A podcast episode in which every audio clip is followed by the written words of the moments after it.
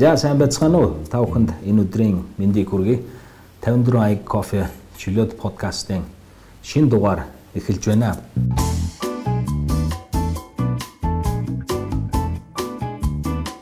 Харин студид маань Улс төр судлаач Мегмос өөрөө өөрөө өөрийгөө танилцуулдаг. Аман хуульч ган очирнаар хүрэлцэн ирээд кофего уугаад сууж байна. Тэгээд шин дугаарын шин дугаар эхэлж байгаа та бүхэнд бас энэ дугаарын мэндийг хүргье. За сонсогчдоо бас одоо өмнөх подкастын сэтгэлдүүдээс юу байгаа талаар хуваалцаач. Тэр яг ууш нөгөө ирж хайцсан. Би орон гайхал байна. Юу ер нь бол тэгээд угаасаа бүлэглүүлээд хуваагдаад явсан юм шүү.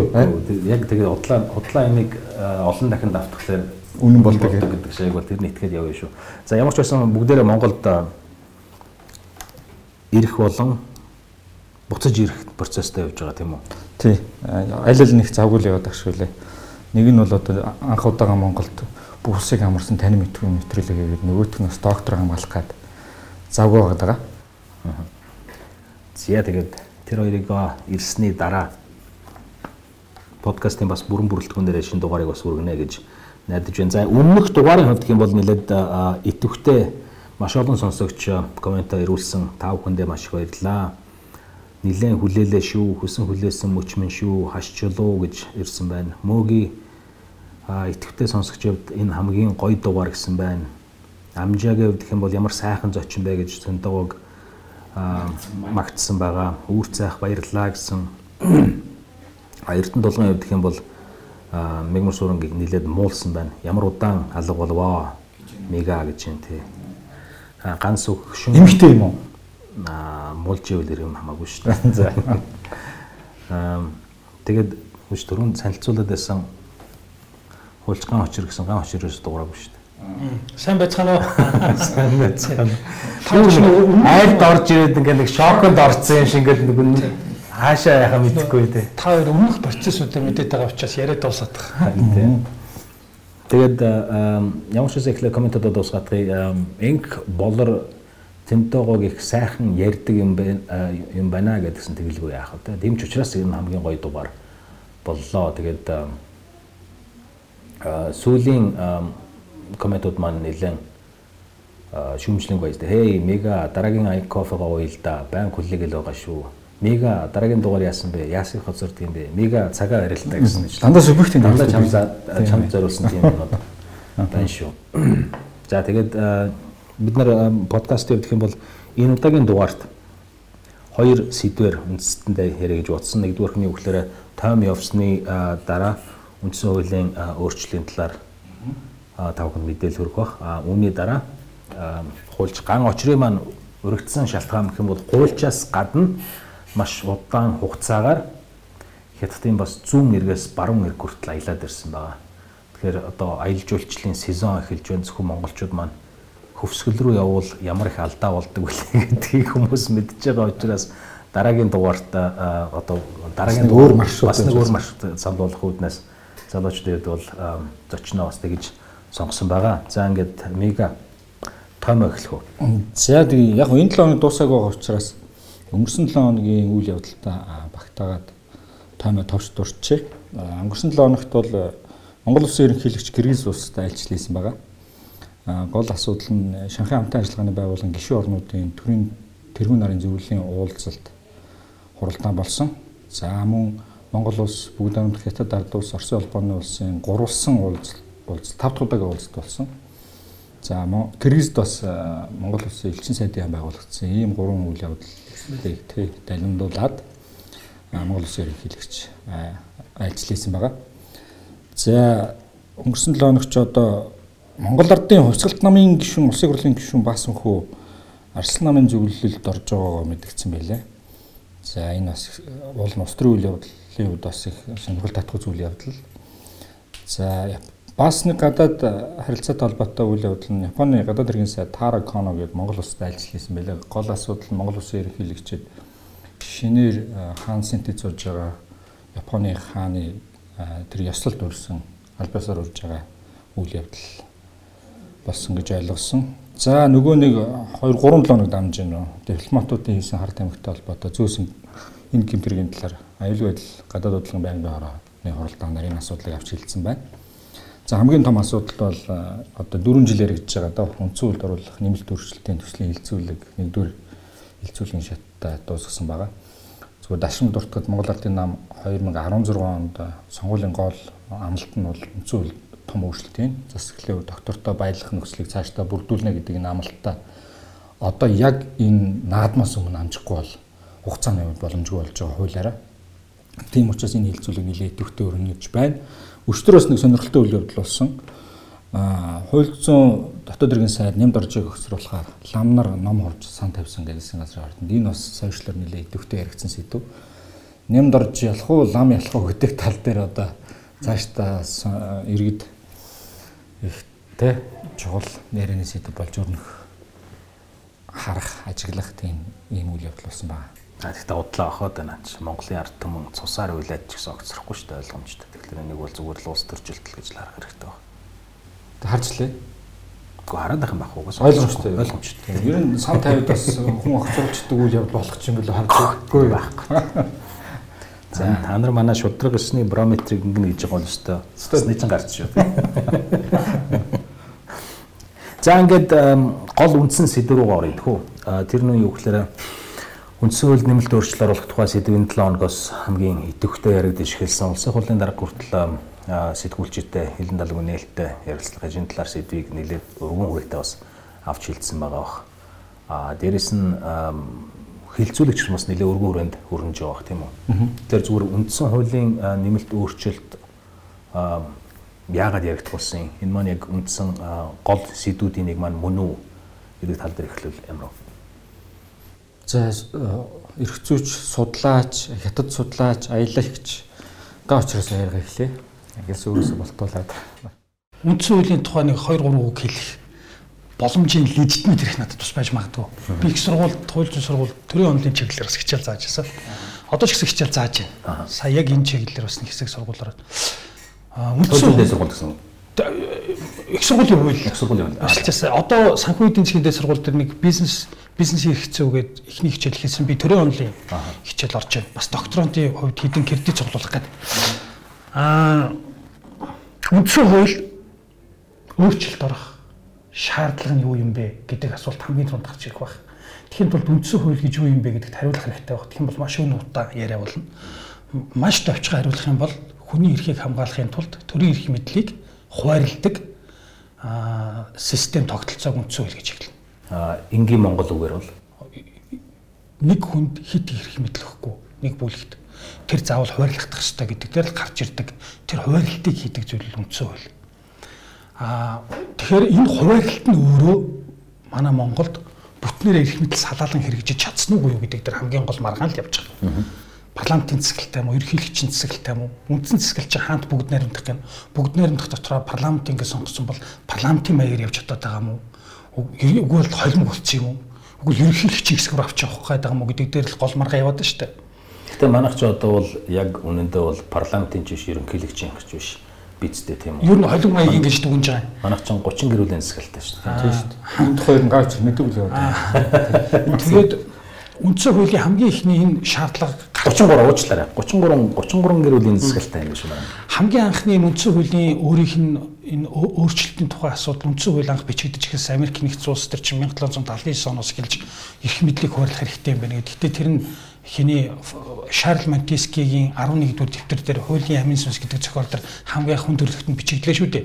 Нэг гарт бүх эрх мэдэл байх юм бол хүмүүс маш ихээр зовж боолчлогддог дуустдаг. Тэгэхийн тулд шүүх, гүйцэтгэх а хууль тогтоох гэдэг хамгийн энгийн шатлаараа гурван эрх мэдэл хуваагдах хэрэгтэй гэдэг. За Сингапурыг хараад бол бараг 5 хэсэг байгаа шиг байна. Тэр ч манай Монгол бүр тохирох юм шиг бас бодогддог. А тэгээ яг хамгийн анхны үндсэн хууль хамаатай зүйлс явж эхэлсэн энэ үедээс Францын хүний эрхийн тунхын 17 дугаар зүйл заалтанд эрх мэдэл хуваарлагддаг үндсэн хууль үндсэн хуулийн шаардлага хангахгүй гэж хэлж байгаа. Тэгэхээр манайх бол эрх мэдэл нэг тал руугаа хит их төвлөрсөн үү, check and balance харилцсан байж чадсан уу гэдэг дээр 90 оноос хойш гол маргаан болсон. За гэхдээ энэний талаарх маргаан логиктэй хилцүүлэг ордноор бүр явж байна. Телевиз болгоноор явж байна. Энээс илүү том асуудал үндсэн хуулиа бид нар мөрдөж чаддгүй гэдэг бараг суур асуудал гарч ирнэ. 90 оноос хойш. Дэлхийн хамгийн том эдийн засгтай 5 улсыг аваад л үзэхэд баг ихний ээлж байгаа. Америкийн нэгдсэн улсын үндсэн хуулинд боолын тухай зүйл залт байгаа. Өөрчлөлт гэж явах юм бол үндсэн хууль тэр чарын баллаа хийж учраас одоо болтол байж л байдаг. За яг нэмэлт орсон. Хоёр дахь үндсэн хууль хятад орон коммунист үндсэн хуультай гэж үздэг хэлж. Гэхдээ эдийн засаг нь хоёрт байгаад байдаг. Гурав дахь үндсэн хууль Герман эдийн засаг те. Германы эдийн засаг үндсэн хууль хамгийн классик Вайбрийн үндсэн хууль гэж яах жахтай Гитлер гарч ирсэн. Үндсэн хууль төгс байхад Гитлер гарч ирж байсан ба шүү дээ. Дөрөв дэх эдийн засаг Англи. Англид үндсэн хууль гэж байдгүй. Огт байдгүй. Зөвхөн органик хуулиар. Гэхдээ англи хүмүүс үндсэн хуультай хуйлгүй хүний эрх хамгаалах ёстой, шүүх шударга ажиллах ёстой гэдэг зүйлийг ухамсарлан мэддэг. Өөрсдөө цусаар төлсөн. За тав дахь эдийн засаг за Япон Японы үндсэн хуулийг Америк бичиж өгсөн.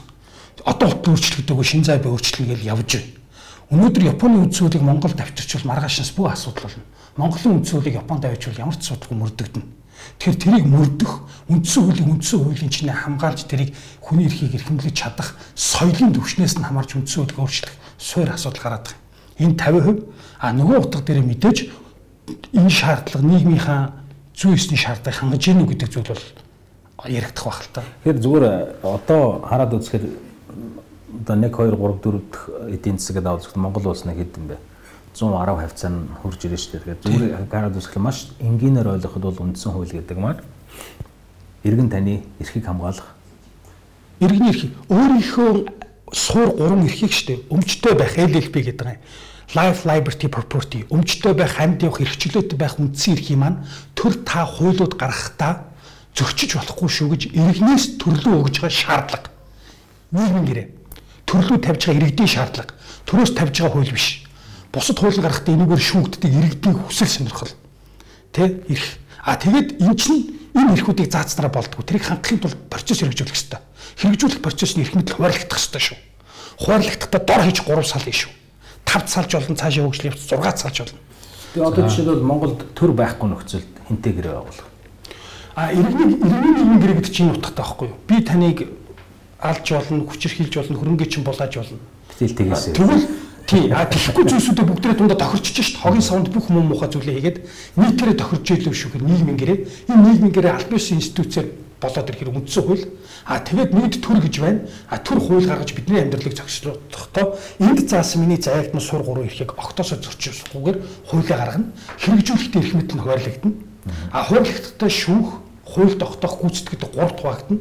А гэхдээ цаашаа явах юм бол задал задлах хэрэг. Яг энд зогсоё. А яг тэгэхээр энэ дээр нэг юм санаа байгаа. Би яг түрүүн ерөнхийдөө энгийнээр бүх ойлголтуудыг нь ойлгомжтой хэлье гэж хэлэхээр за эн чинь бол хүний эрхийг хамгаалсан нийгмийн гэрээ юм байна.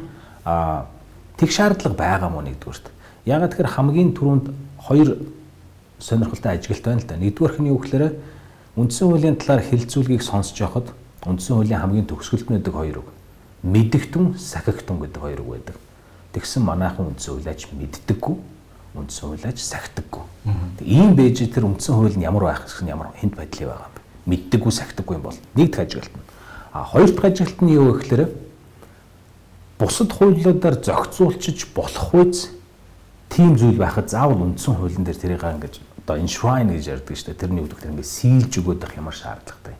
Шүүхийн талаар хүлээгэн шүүхийн хууль дээр эсвэл одоо сонгуулийн тухай хууль дээр нь ерөнхийлөгчийн одоо нэр дэвших нас мас гэдэг юм. Энийг заагаад өгчөө заавал тэрийг ингээд үндсэн хуулийг оролдож ингэж явах юм ямар шаардлага байдаг. Юу би устдар судлаач нөгөө өөрч асуулт төр нэм асуучмаар айгу амархан ингээ асуулч байгаа учраас өмнө подкастад орж ирсэн үү? Би өмнө подкаст орчоогүй. Харин тийм байна.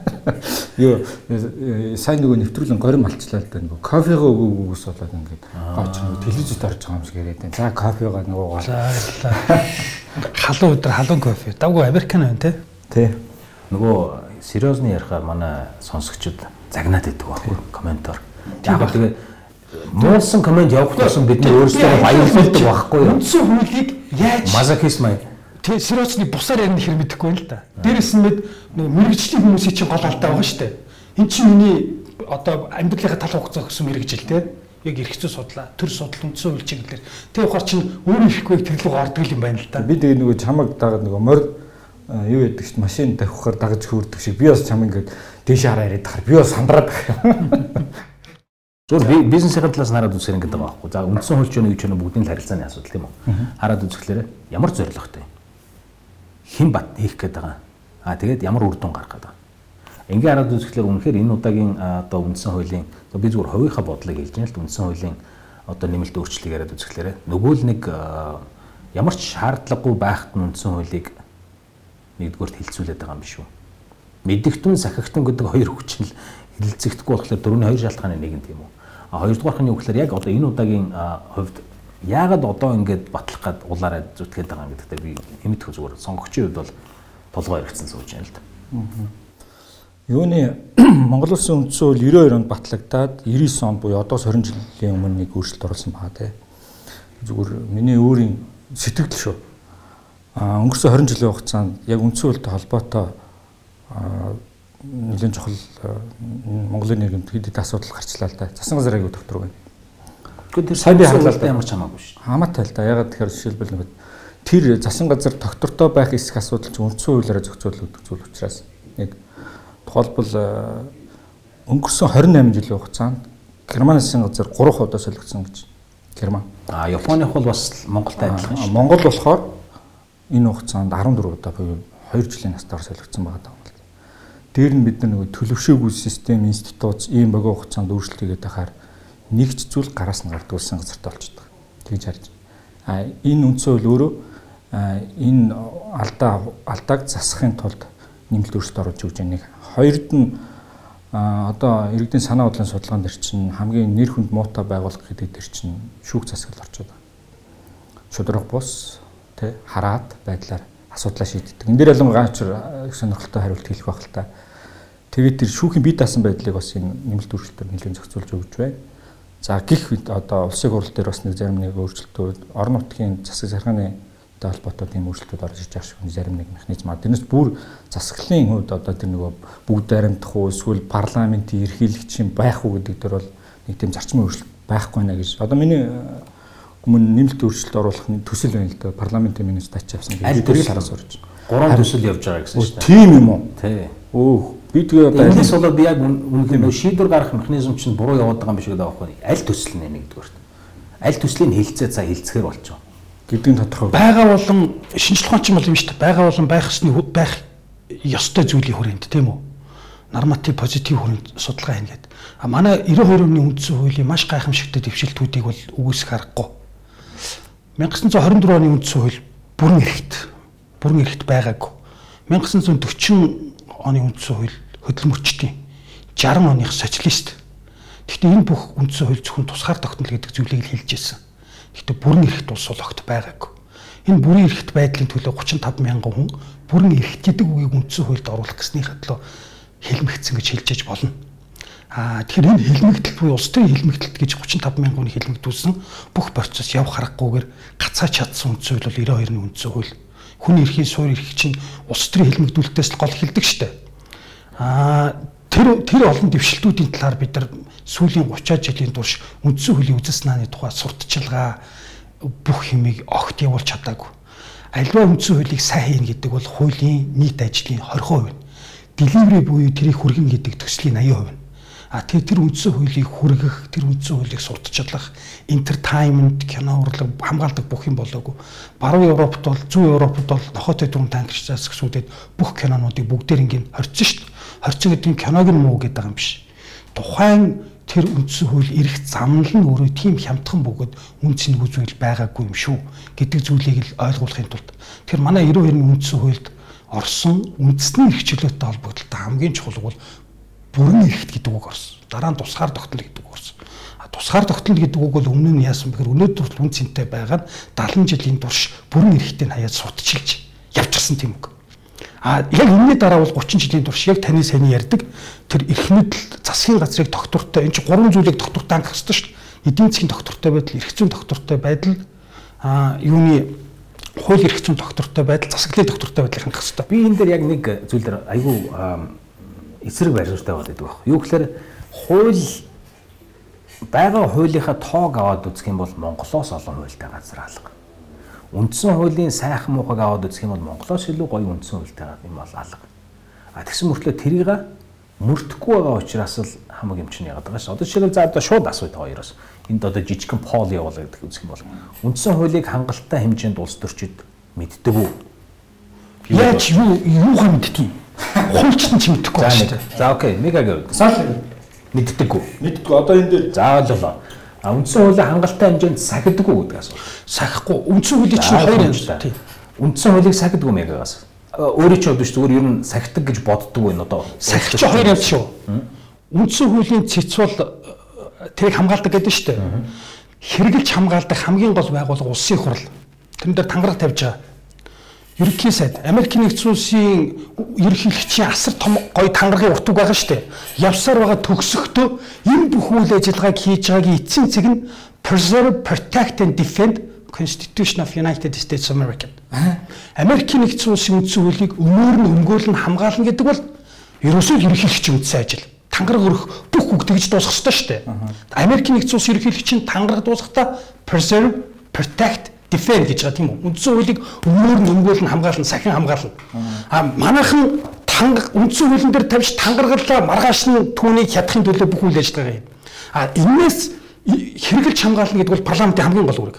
А дахиад сахин хамгаалах үүрэг чинь үндсэн хуулийн цэцтэй шүү дээ. А өнөөдөр байгаа манай Монголын үндсэн хуулийн цэц бол энэ ажлыг өчүүхэн хийж чадахгүй байгаа.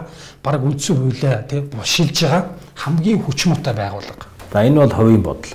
А зүгээр логикоо дагаад үзэх юм бол би ингэж бодоод байгаа байхгүй. Ямарваа нэгэн хуулийн гол үндсэн зүйлний үгээр сахих мөртгөөс эхэлдэг. Тий, тий, тий. А тэгээд өнөөдөр хинч Сахих мөртгөөд бол таны мэдэх. үнд- үндсэн хуулиа хинч мэдхгүй тэгээ хинч дагаж мөрдөхгүй гэж ягаад өөрчлөх тухай яриад байгаа юм гэдэг би нэгдүгээр ойлгохгүй.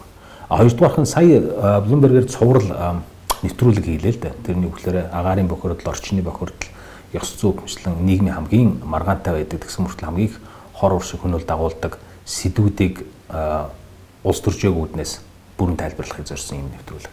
Энэ дээр нэг зүйлийн хариултыг ерөөсөө би бүх ярилцсан хүмүүсээс авч чадахгүй юм гэхээр үндсэн хуулийн заасан байдаг тийм үү? Монголд хүн эрүүл аюулгүй орчинд амьдрах хэрэгтэй гэнэ.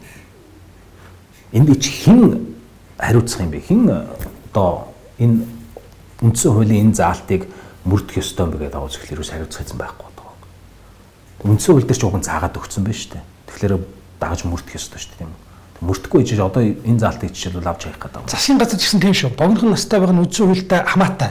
За нэгдүгээр хамаатай. Ягаад гэвэл засгийн газрыг тогтвортой хүчтэй байлгахаар биш ерөнхийлөгчийн эрх мэдэл уул уулнаас уруудаж байгаа цас мэт жил ирэх тусам ихсээд хамгийн ихний маргаан баг байнд их баяр дараа нь их баяр баяр гэл те хамгийн сүүлд элбэгдэр жалтай дараа хоёрын хооронд энэ төр ингээд маргаан болоод байна шүү дээ. Адгаа сонгоогүй л байлтай. Гарангуутаа ерөнхийлөгч гүйцэтгэцэклийн тэр хоёр заавал зодтолддог. Энэ үндсэн хуулинд байгаа нэг том бэрхшээл мөн. А гэхдээ нөгөө талаас нь тэрийг зөвөр хэрэг тайлбарлаж чадах юм бол дараагийн ерөнхий сайд томилогдсноор өмнөх ерөнхий сайдын үүрэг дуусна гэж байгаа шүү дээ. Дуусгаруулна. А манайд бол үгүй шүү дээ. Эхлээд сайхан огцруулчаа дараа нь ерөнхий сайдаа хайж эхэлдэг тийм үү. Дотроо намууд нь дотроо дахиад сунгаа явж эхэлдэг.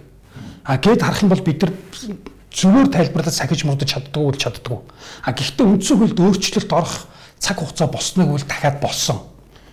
Зөв өөрчлөлт, буруу өөрчлөлт гэж хоёр юм байна. Зөв өөрчлөлт бол хөгжлийн үндэс. Бүгд угаасаа л өөрчлөгддөг. Тогтвортой зүйл гэж байхгүй. А өнөөгийн байгаа нийгэм эдийн засаг энэ бүх системийг бүтнээр нь үндсэн хууль хангаж гин үү 90 цаг үедээ хөл нийлүүлж чадж гин үү гэх юм бол маш олон асуудлууд гарч ирсэн учраас үндсэн хуулийн өөрчлөлттэй хамаатай асуудлууд яригдах цаг болсоо. Тэрэн дээр бол санал нэг байна. Аа хамгийн анхны дордуусан 7 өөрчлөлт гэж а, 2000 онд маш бас надад ч маргаантай шүү гэхээр яг дордуулсны хэн тогтооцсон. Яг 7 өөрчлөлт хийсэн баг тийм үү. Гэхдээ тэр нь дордуулаад Хоёр нь бол дордуулаагүй сайжруулсан гэдэгт бол би санал нэг байдаг. Нэг нь засгийн газрыг огцруулах хэсэг асуудал ил явдаг. Хин мэддэхгүй лоббичод шүү дээ. Ил явагддаг байсан. Хоёрдугаарт ерөнхийлөгчөөс асуудаг. Ерөнхий сайд хэн байх вэ гэдэг дээр. Парламентын цэцгэлтэй орон ерөнхийлөгчөө тавьж чадахгүй дааган болдгоо бага онд гэдэг хүн дээрээс 7 удаа буцаж ирсэн. Хямрал руу дагуулж шүү дээ. Тийм. Тэгэхээр ямар ч байсан зүгээр энэ дээр нэг зүйлийг бас би аа, сонсогчдод ойлгуулъя гэж болоо юу гэхээр хүссэн ч хүсээгүй ч одоо сонирхолтой байсан ч үгүй байсан ч гэсэн одоо энэ үндсэн хуулийн нэмэлт өөрчлөлтийг нэг уншаад үзээрэй. Хамгийн гол нь уншаагүй мөртлөө бид нар чинь ингээд маргаан хилцүүлэг яваад идэг те. Энийгээ бас битгээд гэж дахид давтар ядаж энэ одоо мегийн гар дээр байгаа хөлбөр нь хідэн удсан. А4 хэмжээтэй 1 2 А4 хэмжээтэй 7 хуудас юм шүү. 7 хуудас. За А4 хэмжээтэй 7 хон хуудас юм байна. Тэгээд том скриптээр том фонтоор бичсэн 7 хуудас гэдэг чинь жижиг бол нэг 2 хуудас л хэлбэрээ тийм үү. Тэгэхээр энийг бас сэтгэл цаг гаргаад танилцаад үзчихээр энэний дараа бас нийгмийнхаа хилцүүлэгт давхар ороод дуртай бол дуртай дургуул дургуугээ тэрийг илэрхийлээд явуул их зүгээр бүтээлч юм шиг санагдаж байна. Тэрний дараа бас бид нар дараа дараагийнхаа подкастуудын дугаар дээр нэмээд энэ талаар илүү дэлгэрэнгүй зүйл тусмаар нь хандаад тэгээд явах боломжтой болох байна. А зүгээр нэг зүйл таалагдаагүй зүйлний үгээр нөгөө ерөнхийлөгчд нэр дэвших насыг 55 гэж заасан байсан тийм ээ.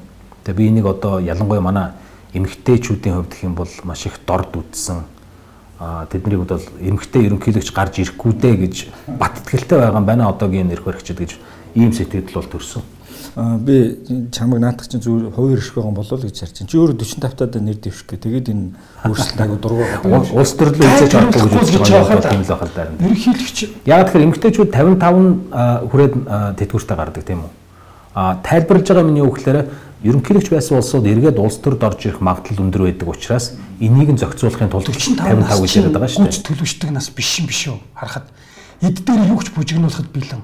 Англид ч юм бол тийм шүү дээ government must be efficiency үр ашигтай байх хэрэгтэй. А crown dignity. Гэхдээ хамгийн гол нь хүний төлөвшил чинь наснаа шалтгаалдаг зүйл биш байхгүй юу? 21 хүрсэн мөртлөө төлөвшөлтөд сайтай залуучууд бол байж байна. А манад болохоор 60 хүрсэн мөртлөө юунд английн кино үдээ. Тэр чинь бол ингэдэг байхгүй. Алцганаад яваад байгаа гарууд бол зөндөл байгаа шүү. Төлөвшүүлдэг систем байх юм бол төлөвшнө гэж байгаа. А тэгээд хааны гэр бүл буюу одоо ерөнхийлөгч гэсэн үг шүү дээ. Ерөнхийлөгч энэ төрийн тэргүүний гэр бүлийг гаргахын тулд хааны гэр бүл сурдаг сургуулийн тустай тэнд физик юм заахгүй. Тэгээ физикийн хичээлдээс Оксфорд төгссөн нэг ханху гарч ирээд ард нийтийн санал асуулга явуулаад улсаа өөрчлөхөөс самарч явж тухай кино байхгүй юу. Тиймээс хүндлэн хүндлэлтэй байх хэрэгтэй. Германы ерөнхийлөгч бол цэврэг сонгодог парламентын цагт бол зөвхөн хүндлэлтэй академик байгаад ч тавьчихдаг тэнд бужигнуулаад байдаг. А гэдэг өнцгөөрөө насыг өндөрсгөх буюу за 55 настай хүн бол харьцангуй бужигнуулах нь бага байхаа гэж бодсон байх гэж бодож байна. Зүг буруу дээ. Яагаад 60 байж болохгүй гэж тэгвэл. Эрдэнэчүүдийн тэтгэврт гарахнаас нь 60. Тэрийг дахиж асуух хэрэгтэй. Тэгэхээр тийм бол үнэхээр яагаад 55 гэсэн бэ гэж 60 гэдээ тогтоочих хэрэгтэй байхгүй. Зүгээр заавал ч надад зүгээр бодож байгаа нь юу гэхээр энэ улс оронд чинь эмэгтэй парламентын гишүүд их байх ёстой. Эмэгтэй засгийн газрын гишүүд олон байх ёстой а тэгжээж илүү их хэмжээний эерэг өөрчлөлтүүд гарч ирнэ гэдэгт бол би итгэдэг. А тэгээд яг одоо тэднийг салгаж байгаа юм шиг 55 нас хүрээтэй бүсгүүчүүдээс кок авахгүй дээ шүү дээ. Гоосо тийм биш үү? Мэдрэмж өндөртэй. Ийм л юм аа. Тэгээд эмгтээчүүд энэ талаар илүү их дуу хоолойгоо хөө. Манай Монголд бол нийгэм хамгийн хохирж байгаа нэрчүүд шүү дээ. Би онцгой бас яг сургууль сурч чадахгүй гэсэн. Эмгтээчүүд бас өөрөөр л хэлэх л байх л та. Тэгээд үндсэн хуулийн нэмэлт өөрчлөлттэй холбоотой өнөөдрийн сэтгэл бол ийм л байна Нэгдүгээр та хоёр өөртөө энэ үндсэн хуулийн өөрчлөлтөө уншаарай. Уншсан би. Таалагдаагүй. Таалагдаагүй. Таалагдаагүй. Хоёрд нь энэ үнэхээр өнөөдөр багт богино хугацаанд багтах сэдв биш ээ. Их том сэдв ээ. Үнэхээр нэг тогтцоот нь тогтолцооны том өөрчлөлттэй холбоотой. Гуравдугаарт нь үнэхээр энэ сэдв нь өөрөө хүнд учраас бид нэр айгүй муухай ингээ фаны явж чадахгүй тийм үү? Энэ боломжгүй. Үндсэн хуулийн өөрчлөлтийн хаанч фаны явсан түүх байхгүй. Тийм үү?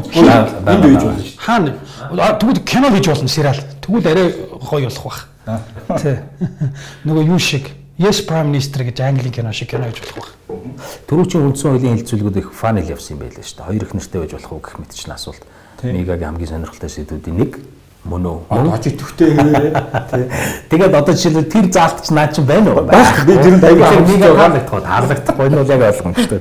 30 секундэд сүүлийнхээ дүгнэлтээ хэлчих үнцүүл тамаатай. А яг үнэхээр эрх мэдлийг доктортойгоор бүгдээр ингийн яг балансалж гаргая гэх юм бол хоёр парламенттай танхимтай багаар түмнээсээ улсын хурланч төр хууль тогтоохонч төр гүйцэтгэгч шүүгэнч төр гуруула зэрэг сонгогдож гарч ирэх юм бол хин нэг нь биений тар түмнээ сонгогдсон гэдэг давуу талгүй зөрчил үүсэх баг.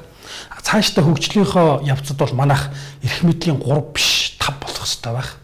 За дөрөвдөх нь бол юу болох хэрэгтэй вэ гэхээр энэ төрийн албаны зөвлөл буюу төрж шилдэгүүд ажилтныг мэри тогтолцоо гарч ирдэг процесс баг шүүх юутайгаа адилхан энэ төвшөнд хүчтэй ажилладаг болох хэрэгтэй байх. Цөөхөн хүн амтай газар шилдэгүүд нь гарч чаддаг.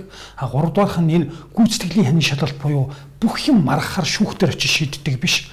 Энэ мониторинг одоо маш олон шалгалтууд шүү дээ. Хяналтын систем нэлээсээ өргөжиж хөгжих ёстой байх. Тэгжээж процессоо явахгүй бол бүх юмаа балалчаад ганцхан шүүхтэр бүх юмыг тэслэх гэдэг манайх шиг арбитр нь ч хөгжөөгүй хүмүүс нь ч наан нэвлрүүлэн зуучдах сайн процесс байхгүй тохиолдолд явах хэрэгтэй байна. Зүгээр эцсийн эц дүнд эцсийн дүндээ нууцны юм даа гэхэлэр хүн болгон л өөрийнхөө хариуцсан ажлыг сайн хийж эхлэх ёстой байхгүй. Тэгэхээр бол ямар нэгэн байдлаар хүндрэл гарахгүй гэдэг нь ойлгомжтой шүү дээ. Тэгэхгүй одоо юу гэж байна те заримдаа хараад үзэхлээр их хурл нь гүйцэтгэх засаглалын ажлыг хийгээд байдаг. А засгийн газар нь шал өөр ажил хийгээд байдаг. Ийм мэдчлэн харахаар чинь яг хариуцсан ажлаа хэн яаж хийх гэдэг байгаа гэдэг нь айгүй ойлгомжгүй. Засгийн газар чинь их хурлаасаа гараад ирэхээр их хурлаа хатгуулахаас шаарга байхгүй. Тэндээс нэг гараад ирж байгаа юм чинь. Нэг нэг сайдаар нэлцэж гараад ирж байгаа юм чинь. Энэ дээр яг хараад үзэхлээр хэрвээ засгийн гүйцэтгэх засаглалын одоо гүйцэтгэх засаглалд багтж байгаа хүн бол тэрнийхээ л эрх ашигыг төлхөө авч үзэх хэрэгтэй байхгүй. А тэгэхгүй болохоор тэр чинь нөгөө хоёр малгай өмсчлэр аль нь чухал юм биш аль алиг нь хийх гэдэг гарч удахгүй шүү дээ. Тэгэхээр одоо таад ч гэсэн проблем байгаа байхгүй юу гэхээр нэгдүгээр таад ч одоо юу гэж юм те Улаанбаатар хотын иргэн нэг а хоёрдугаарх нь тодорхой нэг улс төрийн намын гишүүд байгаа хоёр тийм үү. А тэрний дараа одоо юу гэж байдгийг нэг тийм хөлөмгийн клуб ч гэдэг юм эсвэл спортын клубын гишүүд байгаа гурав. Энэ аваад үзлээ та гурав та хоёр хүртэл ингээд нэг тийм гурван малгайтай байгаа шүү. Энэ гурван малгай гэж аль нь чухал юм? Хамгийн түрүүний чинь Улаанбаатар хотын иргэн учраас хог хаяхгүй ингэхгүй гэдгээр янз бүрийн юмуд явж байгаа. Хамгийн сүүлд нь одоо тэр спортын юм ч гэдэг юм иймэрхүү маягаар явах байх. А яг энтэй адилхан давхар малгай өмсчиж болно. Тэгэхээр тэр давхар малгайныхаа аль нэгийг нь тэргүүнд тавих хэрэгтэй байхгүй эрх ашигын дараалал гэж явж байгаа юм уу? Тийм үү. Намайг бүгдэх давхар малгай өмсвөл олон их нэртэй болно л гэсэн. Их хүмүүс нь тэгээд болсон гэсэн. Ямар ч тохиолдол нөгөө шүү дээ. Бөөсний өдөр болсон. Дэлхийн чигээр ингэж байгаа шүү дээ парламент засгийн газар хоёр давхцах нь битгий хэл парламентыг дотор нь ажил үргэрийн чигүүрийн салгаад байгаа шүү дээ. Америк бол ингэж шүү дээ. Конгресс хэр газар нутгийн төлөө хүн амаа төлөвч чинь тийм үү? Нэг мужаас гарч ирсэн. Тэрэнд ямар ч төрлийн том бодлого бодлого бодох ямар ч боломжгүй. Мужтаа нэг ганц төсөв тавиад имлэг барихын төлөө хөтлөө явна. А тэгэхээр дээр бол сенат гэж харж байна. Сенат гэж харж байна. А англи чинь House of Lord, House of Common гэж багчиж штэ. Лордууд нь бол хууль хамаагүй штэ. А зүгээр Commons дээр явж байгаа ихлээр бол тэд бас засгийн газар юм байна. Систем системээр гардаг шиг Сенат гэдэг нөхдүүд гарчид улс орны хэмжээний ярих нь штэ. А Герман бол яаж тэгэхээр дахиад парламентаа хувааж байна. Бундстаг дотор нэг хэсэг нь мажоритар системээр сонгогдоод байгаа дрэнгүүд нь яг тэрэнд нь хувь тэнцвүүлээд пропорционалаа намаад өөртөө томилчих гэдэг. А пропорционал хүмүүнд тойрогч санаа зовхгүй. Энэ хоёрыг хоёулангийн балансалж гаргах гэдэг болчиход дээ. Тэгэхээр сонгуул хүртэл тийм л болох хэвээр. Мажоритарч мундаг биш, пропорционалч мундаг биш. Энэ хоёр хоёулаа тэнцэж гарч ирэх хэрэгтэй болчиход дээ. Тэгэхээр засгийн газар улсын хурлын хүргэн давхцсан битгийл парламент дотор хүртэл хөдөлмөрийн төрөлжилт бий болгоод дээ. Эцэстээ Адам Смит, Карл Марксээр хоёулаа ганцхан зүйл дээр онол давхцдаг тийм үү? Хөдөлмөр төрөлжих ёстой би бол өлсвөл хоол идэх ёстой гэдэг дээр төлөвлөсөн юм байна гэж бодоод дараагийн сэдв рүү орохгүй энэ гай очир бүр урам хөдлөд байх шиг сэдвээс энэ чинь нөгөө урам хөдлөд хүн болон хүн болон өөрсдийн гэсэн урам хөдөлдөг эсвэл нэг тийм одоо хүчтэйгээр зүрхэн дилсдэг тийм сэдв байдаг энэ төр ягаан очрод бол хуульчны хувьд бол яг тэр л мөн л доо а миний хувьд бол хоол л доо тэгэхээр яах чарга байхгүй а зүгээр За энэ бүхний эцэс зүгээр нэг зүйл гэдэг ямар ч үндсэн хууль баталсан гэсэн. Мэдээж бид нар бүх энэ сэдвүүдийг цаашаа өргөжлүүлээд явна.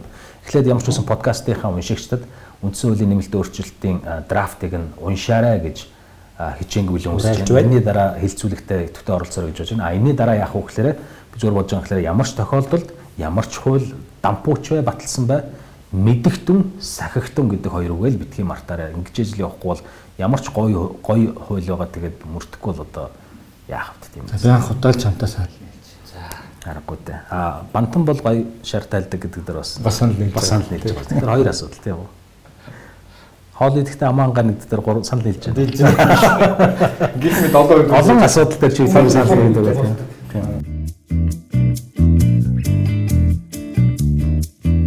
За подкастын дараагийн хэсэг ган учрын аяллаа талаар товчхон өрнөх байгаа. Тэгэхээр ган учрын гэх юм бол Шанхай Жотонг их сургуульд сурч байгаа.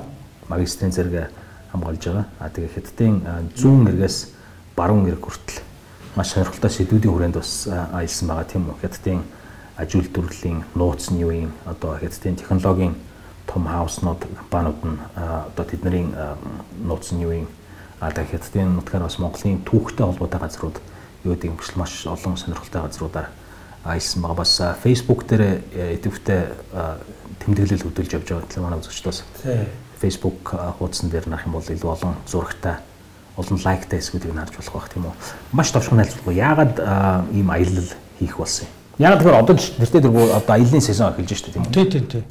А ер нь бол зоригтой аялал хийсэн гэдэг юм. Би ерхий сайдын зөвлөхөр ажиллаж байхад надад нэг зүгээр эцэстээ ганц үнэн бодогдсон зүйл бол тэр Америкч хол, Германч хол бүгд хол. Тэгээ гадаад худалдааны 80% хятадтай, 20% Оростой. Тэг ингээд эндээс хязгаарч салахгүй нэг юм ертөнц. А тэгтээ технологиор дэлхийн хавтгаа уулзах учраас бусд нь бүгд бас хажууд. Тэгээд Шварцманы сангаас тэтгэлэг аваад дэлхийн шилдэг зүүн сургуулиас сонголт хийнэ гэхэд нь би Шанхайг сонгоод тэнд очив. Эхний семестр хичээлээ суусан. Хоёр дахь семестр бол 2 жилийн турш хятадыг бүтэн тойрж аялж явна гэд. Энэ хятадтай өрсөлдөх одоо хэрхэн яаж өрсөлдөх вэ гэдэг дээр л жор жор болохоор л явсан ба штэ хүүгнийхөө. А дахиад өмнөд хөшөө тань мэдэх. Тэг огт мэддэг юм шиг хүртлэнгөө огт мэддэггүй ертөнц болж хувирсан бидний анх төсөөлдөг байсан тэр хятад кинон дэр хардаг хятад одоогийн байр ямар кинон дэр одоо Монголын хуучин кинонууд дэр байдаг хятад дамжаад гэх юм бол нэг пөөж өгч хэдийм байдаг штэ. Тэгээ тэнд очиод Шанхай хотын тэр залуучуудтай яваад очиход дахиад шал өөр хүмүүс болж хувирж штэ.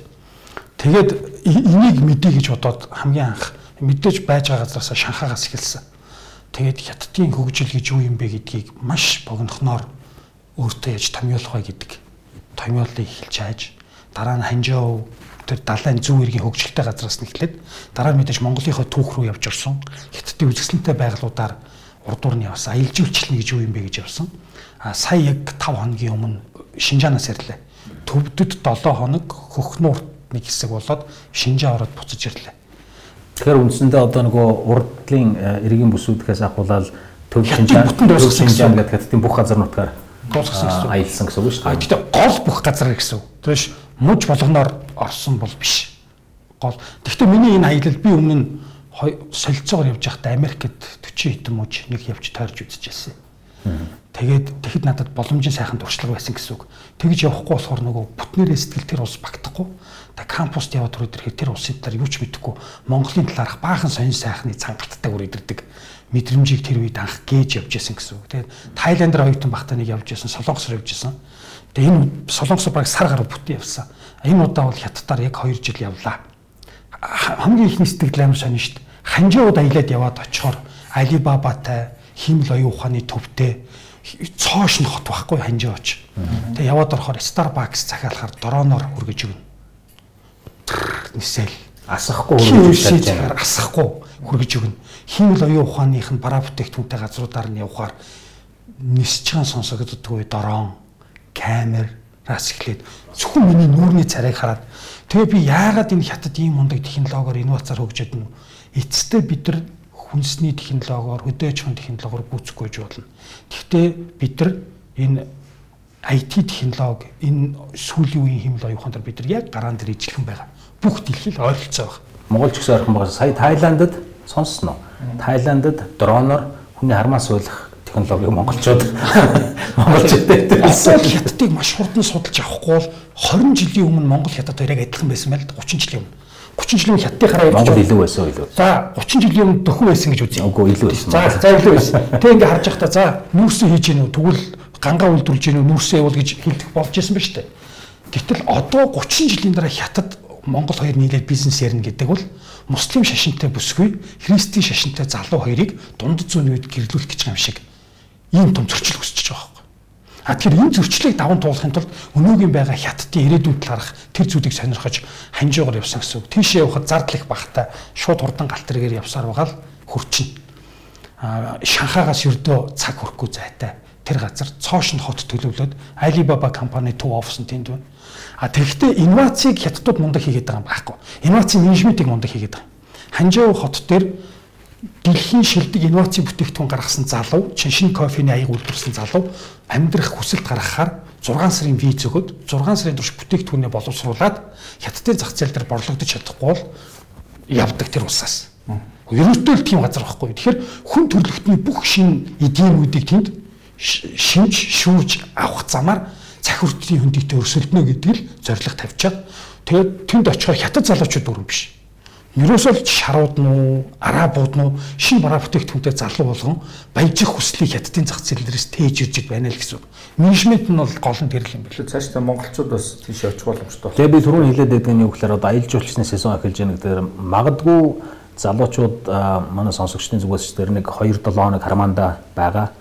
Хаашаа аялах вэ? Хөвсгөл явах уу, арангаа явах уу гэдгийг шийдэж чадаагүй бол магадгүй хятадын тэр Silicon Valley-г очиод үзүүл илүү зарим бол их зардал шаардлагатахгүй зү. Огт зардал шаардлагатахгүй. Тэр чинь очиод нэг өдрийн дотор бүгдийг нь үзчихэж болно. Нуурын дээр нь буудал авах юм бол төлөвлөх шаардлагатай. Юу төлөвлөх шаардлагатай? Юу бэлдэх хэрэгтэй? За үр хүчээ барайл шууд богонд суугаал юм уу нисэл Бээжин ороход Бээжингээс тэр чинь Шанхай хүртэл 500 хэдэн yon 700 орчим йоноор шууд ханжаа өөрөө буцаад ирнэ л гэсэн үг. Тэгээ хятад хэлэх шаардлагатай. Ер нь англиэр ярьдаг залуучууд тэнд гадных ихтэй. Ер нь асуудалгүй. Шанхайч гэсэн ер нь англиараа явждаг штэ. Бээжинд таг болчдаг болохоос биш. Хотын төвөд гисгээрээ бол. А дараагийн нэг миний хамгийн их үцгийг өссөн газар хятадын зүү иргүүд байсан. Зүү иргүүдүүд яаж хөгжиж байна гэдгийг очиж үзчихэд бүр оюунснаа яг эсрэгээрээ болсон. Бид нар манжийн үед хятад сүрж исэн хятад ерөөсө хүнд үйлдвэрлэн саяхнаас л хэлсэн юм шиг ярьдаг шүү дээ. 1850-ад оны үед манжийн үед тэнд 150 гаруй дэлхийд байхгүй том мега төслүүдэд Голланд, Америкууд, Германууд бүгд л хөрөнгө оруулалт хийсэн байдаг. Мөнгө хийх гэж. Тэгээд 150 манай оюутлахоо шиг 150 том төсөл гэсэн үг байхгүй. 150 төсөлт хөрөнгө оруулалт гэдэг гангийн, металл ургийн маш олон үйлдвэрүүд нэгээд тэгээд далайн эргийг дагаад 1850-ад үед маш их баяжаад нэг хэсэг нь баяжаад төрөд ирэнгүүт нөгөө баяжж байгаа хэсэг нь төв засгийн газар авилгалтдаг, шоуддаг. Яг энэ процесс 50 жилийн турш өрнөд хятад тусдаа унж байгаа. Ингээ 1911 онд хувьсгал гараад Чанкашигийн засгийн газар гарч ирээд капиталист шин хятадыг чөлөө зах зээлийн хятадыг гаргаж ирж байгаа. А гаргасан том дэвшлэн юу гэхээр мега төсөл том төслүүд улс орныг хөгжүүлнэ, баялагын санг үүсгэнэ гэж хэлээд тэр үед дахиад явж 20 жилийн боломж байсан. Зүгээр бидний үдэх бол нөгөө подкаст үед яг уу тэр хятадын түүх гэсэн илүүтэйгээр аялсан процесс нь хэр зэрэг байсан бэ гэж аа гэж байгаа. Тэгэхээр за одоо яг нөгөө а миний аялал өөр шүү. Миний аялал сэдв хөдөг аялал. А миний аялал очоод юу гэдэг одоо хоол идээд юм уу зураг даруулах сонирм биш. Дээрээс үд миний аялал айгу хүнд аялал. Яг над чиг аялалыг бол бүтэн өдөржингөө яваад тэр оройноо бүх нийтлүүдэд гарах хэрэгтэй. А нэг аялал хийхин тулд ямар ч гэсэн нэг 3-4 сарын хугацаанд тэр орны тухай бүгдийг унших хэрэгтэй. Хятадд очие гэх юм бол э, дэлхийн агуу гүрэн эргэж ирсэн Инд давтай Chief China хэрч үе хямд хятадын төгсгөл хятадтай хэрхэн 8 их үү Америкийн гол ном энэ төр гэд 4-5 зүйлсүүдийг бүгдээр ингэ уншаад тэгээд тэрний тухай мэдэрчээд а одоо сая хятад руу очиход хятадын нэг мөж нэг сэдв гүйцэтгэхгүй маш гүнзгий болж ирнэ. А ерөнхийдөө хятадыг дуусгахыг үйл тэр чинь сарын дотор явал дороо дуусгачих болно шүү дээ. Тэр хоёр дахь аялал маань 11 сарын үед төлөвлөгдөж байгаа. Израилаар 20 хоног явна гэсэн үг. Яг энэнд бол бүтэн жил гарантай бэлдэж байгаа. Тэр миний би ч нийтлэл бичиж аялдаг учраас миний аялал бол өөр аялал гэсэн үг. А энэ аяллыг сонирхохын тулд хүн бичдэг байх хэвээр. А бичих өмнө нэг сэдвийн төлөө гэсэн зүгээр газар үзэхийн тулд аялж болно шүү. А яг газар үз чөлөөтэй. Тэр дэлхийгээр аялагчдын клуб, тим клуб, хоолн тим байна, зардлан тим зөндөө. Надад бас нэг сонирхолтой санагдсан юм гэхээр яг хятадын газар нутгаар аялж байхад төвд рүү очсон байдаг гэсэн тийм.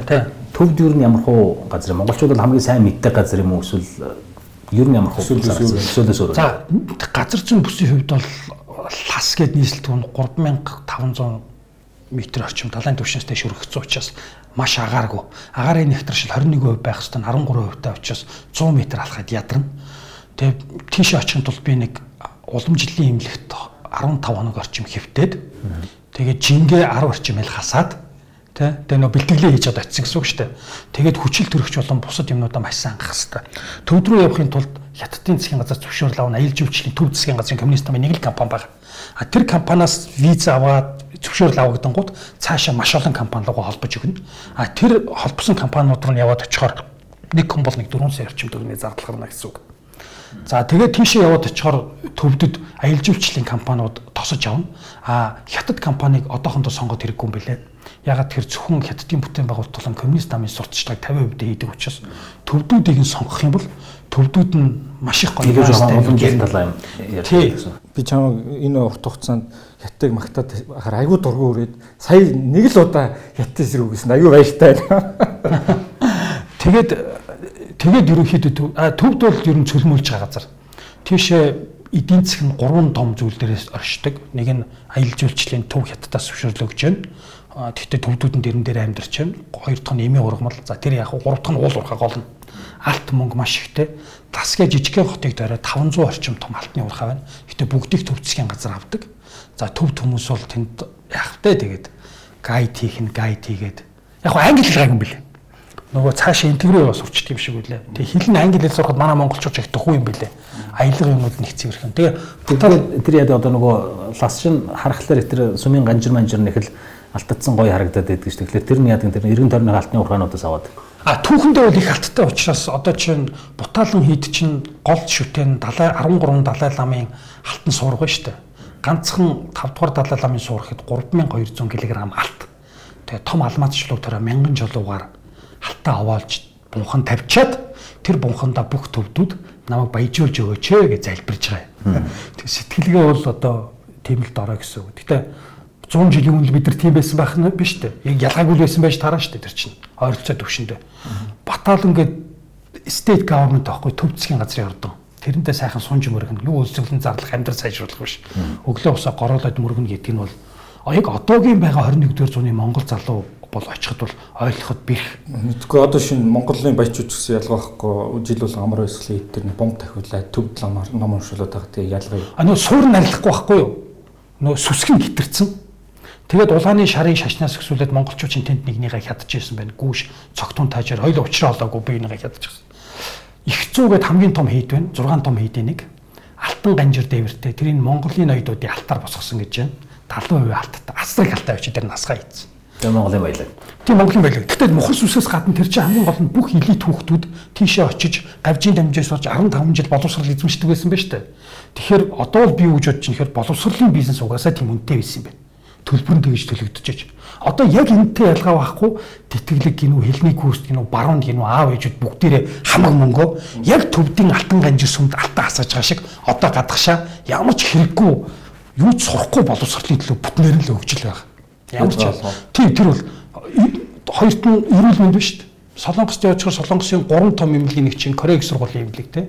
Явд очихоор Англи, Солонгос, Монгол тайлбар битүү шүү дээ Зүгээр ялгаатай байх л дээ гэхээр бас хаанаас ямархуу хэмжээний боловсрал ямархуу зардал зарж байгаа. Тэр үеийн Харвард Оксфорд чинь угаасаа л юу хийж тараа штэ. Төвд байгаа штэ. Баталын Брэви Ганда ид Тэр үед чинь бол Оксфорд Кембриж бол байсан дээ. Харвард бол байгаагүй баг. Ага манай контакт чинь зөвхөн тийш байсан. Монголын түүхэн тийшээ л очиж сургууль сурж ил гэгэрэн гэдэг байсан. А жинхнэрээ ч гэсэн тэр нь бас төв байсан те. Хятадд их нөлөөлдөг байсан. Зөвхөн нэг хэд дээр норгил үедээ 50000 оюутан сурж исэн ба шүү дээ. Гэтэ 15 жил шүү дээ тий. Тэгэхээр тэр хүүхдээ явуулсан аав ээж чинь багшд нь алт өгнө сургуулийнхан захиралд өгнө аав нь жилдээ нэг эргэн ээж нь чи наад хошуунаас авч байгаа татваруудаа тэр хүүхдүүд явуул гэж хэлнэ гэхээр чинь яалтчгүй асар их зардал гарч ил байсан билээ л дээ мөнгө явдаг монголчуудад таарав нөгөө хятаддах монгол өхс хятад замаараа явах юм бол ёоны хятадууд гэж байна цогтун тайжийн үед үлдсэн хятадууд хөхнүүрийн монголчууд гэж байна төвд рүүгээ очихоор тэнд хэсэг монголчууд байдаг юм. Төвдөд бол Монголтой таараагүй. А Шинжаанд бол торгуудууд юу хоёр бол нэлээд байна шүү дээ. Хошуудууд хоёр бол хөгжилтэй юм юу болов? Хөгжилтэй юм ер нь юу штэ Монгол хүн гэдгээрээ бахархах мэдрэмж хөгжилтэй байлаа надад. Төвд чинь бол Монгол хүн бол асар мундаг штэ. Сүмээс юу авахгүй гайд хийж байгаа хятадууд монгол хүнтэй явж байгаа л бахарх нь. Хөөе би Монголтой явж шүү. Би Монголтой явж шүү бол хүн болгонд хэлээд. Нөгөө хүмүүс чинь минь талдал төвдүүд чи хараал. Бүр балбатай залгаа нэг сүм тосхон байна те. Монгол хүн юу хүн орно. Тэнд Америк хятад одоо ямар хүн байдгийг шарав биш. Нэг нөмрийн хүн бол хайрлж хөндлөж явчих хэвээр хүн бол Монгол. Аргагүй юм байл л дээ.